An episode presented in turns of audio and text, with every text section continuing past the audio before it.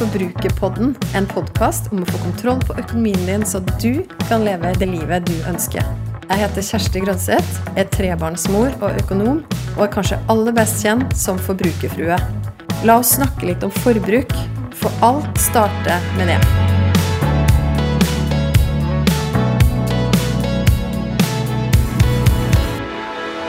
I denne episoden av Forbrukerpodden så skal jeg med litt forkjøla stemme ta deg gjennom hvorfor et detaljert budsjett er det du trenger akkurat nå, og ikke minst hvordan du kan lage et detaljert, men enkelt budsjett. Og hvorfor er ganske enkelt å svare på. Det handler om at oversikt gir overskudd. Det uttrykket har jeg blitt veldig glad i å bruke. Det var ikke jeg som kom på det første gang det var programleder Jan Erlend Leine i Ekko i NRK P2 da jeg var der i juni i år og hadde et krasjkurs for lytterne av det programmet. Han oppsummerte det jeg sa om mitt budskap med tre enkle ord. Oversikt gir overskudd. Og det syns jeg er utrolig godt sagt. Og når du skal sette deg ned og lage et detaljert budsjett, så handler det jo om nettopp det. Å få oversikt, slik at du skal kunne planlegge med hvordan du skal få til overskudd i din økonomi. Én ting er jo at oversikt i seg sjøl, det gir deg automatisk et overskudd. Det er i hvert fall min erfaring. Og da er det både snakk om penger konkret, fordi at når du går tilbake og ser hva du faktisk bruker penger på, så er du i en posisjon også der du kan gjøre noen justeringer framover. Og mest sannsynlig så ser du at du har noe du kan justere på. Og så gir det også et mentalt overskudd. Hver eneste gang jeg er bekymra eller stressa for noe rundt økonomi, så må jeg stille meg sjøl spørsmålet har jeg nå mista oversikten. Og i jeg vil si, 99% av tilfellene så er svaret ja. Og når jeg får den oversikten igjen, så er det utrolig fascinerende hvordan bekymringene da blir borte, eller i hvert fall reduseres. Fordi det du har oversikt over, det kan du også gjøre noe med. Det her er jo snakka om flere ganger før i Forbrukerpodden, så du som har hørt på meg ofte og før, du vil kjenne igjen også mye av denne tankegangen. Så det er hvorfor. Og så vil jeg også ta deg gjennom hvordan du kan lage et ordentlig detaljert budsjett på en enkel, så enkel som mulig måte. Nå kan det være en god idé, hvis du ikke allerede har budsjettmalen min, eller en tilsvarende mal, å sette podkasten her på pause og finne fram linken til budsjettmannen min i episodebeskrivelsen. Den kan du laste ned gratis mot at du sier ja til å havne på e-postlista mi. Den kan du da melde deg av når som helst. Hvis du vil stå på e-postlista, så får du nyhetsbrev fra meg hver eneste torsdag. Så når du er tilbake igjen nå, så skal, vi, skal jeg ta deg gjennom malen, rett og slett. Det som er at Hvis du bruker den malen som jeg har lagt link til i episodebeskrivelsen, så ser du at den består av ulike deler. Den består av en fane hvor du kan regne ut nettoverdien din, og det er jo noe av det mest motiverende du kan gjøre for økonomien din over tid.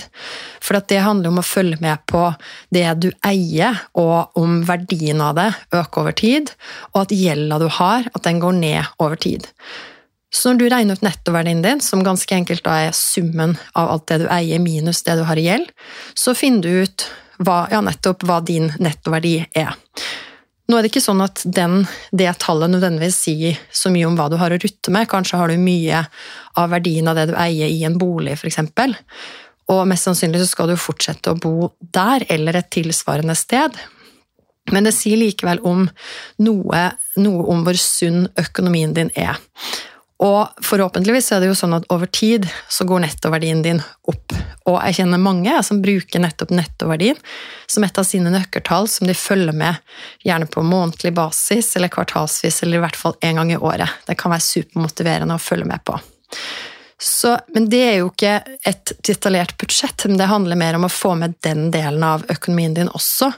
Hvordan de valgene du tar da, i budsjettet ditt, også påvirker nettoverdien din. Og så er det da denne kakemodellen min, som jeg også refererer til i eh, selve budsjettmalen. Kakemodellen for meg den representerer jo på en måte mer enn inntekter og utgifter. Fordi når man snakker om utgifter, så snakker man jo gjerne om det man Altså forbruket. Faste utgifter, variable utgifter, både det som vi må betale for av type levekostnader og også det forbruket som vi kan styre mer opp og ned sjøl, det jeg da i malen kaller nyte. I tillegg til det, så når jeg snakker om kakemodellen, så tar jeg også med sparing og investering. Fordi hele kaka den representerer jo alt du får inn av inntekt på konto. Og den har du jo mest sannsynlig lyst til å bruke på mer enn bare forbruket ditt, mer enn leve og nyte. Du ønsker jo mest sannsynlig også å spare og investere. Og de kategoriene i budsjettmannen min, de heter drømme, sikre og gi. Det betyr at jeg ser på det å gi også som en investering. Og for deg som følger meg på Instagram, så så du at tidligere denne uka her så la jeg ut en post med et bilde av mannen min og meg, hvor vi akkurat hadde gjennomført en eh, økonomidate. Det har vi ikke hatt på en stund. Vi har ønska å ha det en, ganske god stund, så endelig fikk vi satt oss ned og hatt en ordentlig god prat om vår egen økonomi. Og da var det faktisk spesielt det med gi-biten som vi tok opp denne gangen og satte oss noen konkrete mål på hvor stor andel av vår kake som vi ønsker skal gå til det å gi. Det her handler jo om våre verdier, og du kjenner jo dine verdier, så du vet jo hva som er viktig for deg å få prioritert som en del av kaka di. Men poenget er i hvert fall at med de fem kategoriene der, leve, nyte, drømme, gi og sikre, så har du sagt at du skal bruke inntekten din på både forbruk, sparing og investering i løpet av en måned. Så første som skjer når du skal lage deg et detaljert budsjett, er jo at du trenger for det første så er det jo sånn at innenfor hver av de kategoriene, så er det jo i malen da, helt detaljerte budsjettposter, representert ved linja inni den eh, malen i Excel-arket. Under Leve f.eks. boliglån med renteavdrag, husleie, fellesutgifter, andre faste boligutgifter, kommunale avgifter, strøm, mat og andre dagligvarer, forsikringer, transport, billån hvis du har det, vedlikehold, studielån, helseutgifter, personlig pleie, barnehage og SFO hvis du har barn i den alderen, klær, sko og fritidsutstyr, faste fritidsaktiviteter, interiør, abonnement og forbrukslån og kredittkort hvis du har det å betale ned på, eventuelt andre levekostnader. Ja, det var hele lista, og hvis du har malen foran deg, så vil du kjenne igjen alle de postene der. Så for at du skal kunne si noe om hva budsjettet ditt, som jo er Budsjettet, det er jo det du planlegger å bruke. Og for at du skal kunne fylle inn hver enkelt av de linjene der, og sette deg et mål for hvordan det skal se ut framover, så er det jo fornuftig å ta utgangspunkt i hvordan det her ser ut for deg i dag. Og det er jo noen av de her eh, særlig faste utgiftene som du kanskje ikke kan påvirke på veldig kort sikt, iallfall. Noen ting kan du ikke påvirke i det hele tatt, som f.eks. kommunale avgifter, barnehage og SFO, hvis du skal fortsette å benytte deg av det tilbudet der. Og de kan du jo da gjerne sette inn bare med én gang, det du veit at det pleier å koste i måneden, så har du det tallet. Når det gjelder de mer variable utgiftene, sånn som mat, og um, andre ting som du bestemmer litt over sjøl, altså personlig pleie, hva du prioriterer å bruke på det, klær, sko, fritidsutstyr osv. Det er jo sånn som du gjerne kan skalere litt opp og ned. Og hvis du også ønsker og ser, når du begynner å få grep om hele kaka di, ser at åh, men her har jeg jo lyst til å gjøre noe med levekostnadene mine, de er for høye f.eks., så er det jo gjerne de postene der som du ønsker å se på. Er det noen grep vi kan ta? Og kan vi utfordre våre egne vaner? Kanskje finne ut at svaret er nei, det ligger på det nivået som det må. Men da har du i hvert fall stilt deg sjøl spørsmålet. Så for at du skal kunne klare å fylle inn hvilke mål du skal ha, eller hvilke budsjettall du skal ha på alle de postene her, så er det lurt å gå tilbake og bli litt kjent med deg sjøl, hvis du ikke har det her helt under huden, hva du bruker på hver av de postene. Og Da står det jo også i malen at du må gjerne gå gjennom da dine tall og finne de i kontoutskriften i nettbanken din for de siste månedene. Og så deler du summen på antall måneder for å få en gjennomsnittsmåned, og så setter du inn det tallet. Så er det jo sånn at jo lengre bakover i tid du går, jo mer data får du om deg sjøl, jo rikere datagrunnlag, for å si det sånn. Og jo mer kan det kanskje være um, Jo lettere er det kanskje å beregne en gjennomsnittlig måned. Hvis du ønsker å gjøre det litt sånn fort og gæli, og tenker at ja, men de to-tre siste månedene de er ganske representative for forbruket mitt, da tar du bare kontoutskriften for de siste to-tre månedene. Så er det også sånn i malen at du kan skrive inn en dato både for når inntektene kommer inn, og når beløpene går ut av konto.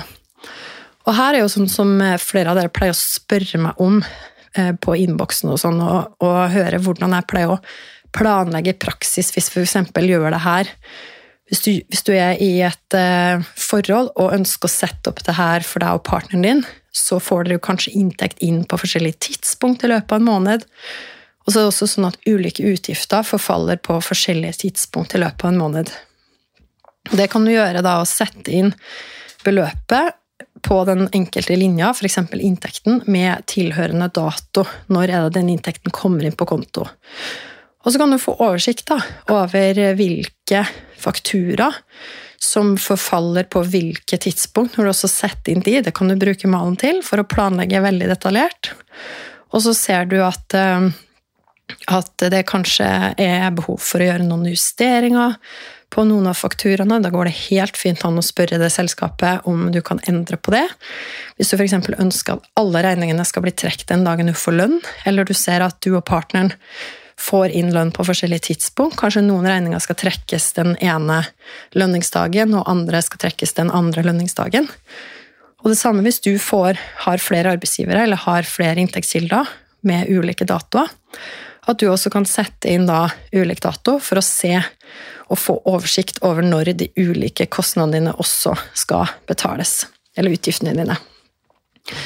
Og når det gjelder alt du kan styre opp og ned sjøl, altså det som ikke er faste levekostnader, det som både er de levekostnadene du kan styre, og det som er nyte, drømme, gi og sikre, der pleier jeg å si at eh, for at du skal kunne få brukt pengene dine på det som du ønsker, det som betyr noe for deg, så er det lurt å betale deg sjøl først. Og det jeg mener med det, er at du setter opp helt konkret faste overføringer i nettbanken på den datoen, gjerne den datoen du får lønn, til de ulike postene som du ønsker å bruke penger på. Det du gjør da, er at du fordeler pengene dine med en gang de kommer inn. Og da har du sagt, da har du laget en plan for hvordan du skal bruke de pengene. Og det er lurt å gjøre det den dagen du får lønn, for da har du allerede bestemt deg. Så slipper du å vurdere fra måned til måned hva du skal bruke penger på. Og så kan du selvfølgelig justere inn. Så det jeg er inne på nå, det er jo det begrepet som jeg kaller kontofest. Det handler om å sette opp så mange kontoer du trenger, eller så mange du har mulighet til å sette opp i nettbanken. Øremerka til ulike formål med faste overføringer. Og det ligger det jo også inne en mal for, en egen fane for, i den budsjettmalen som jeg snakker om nå.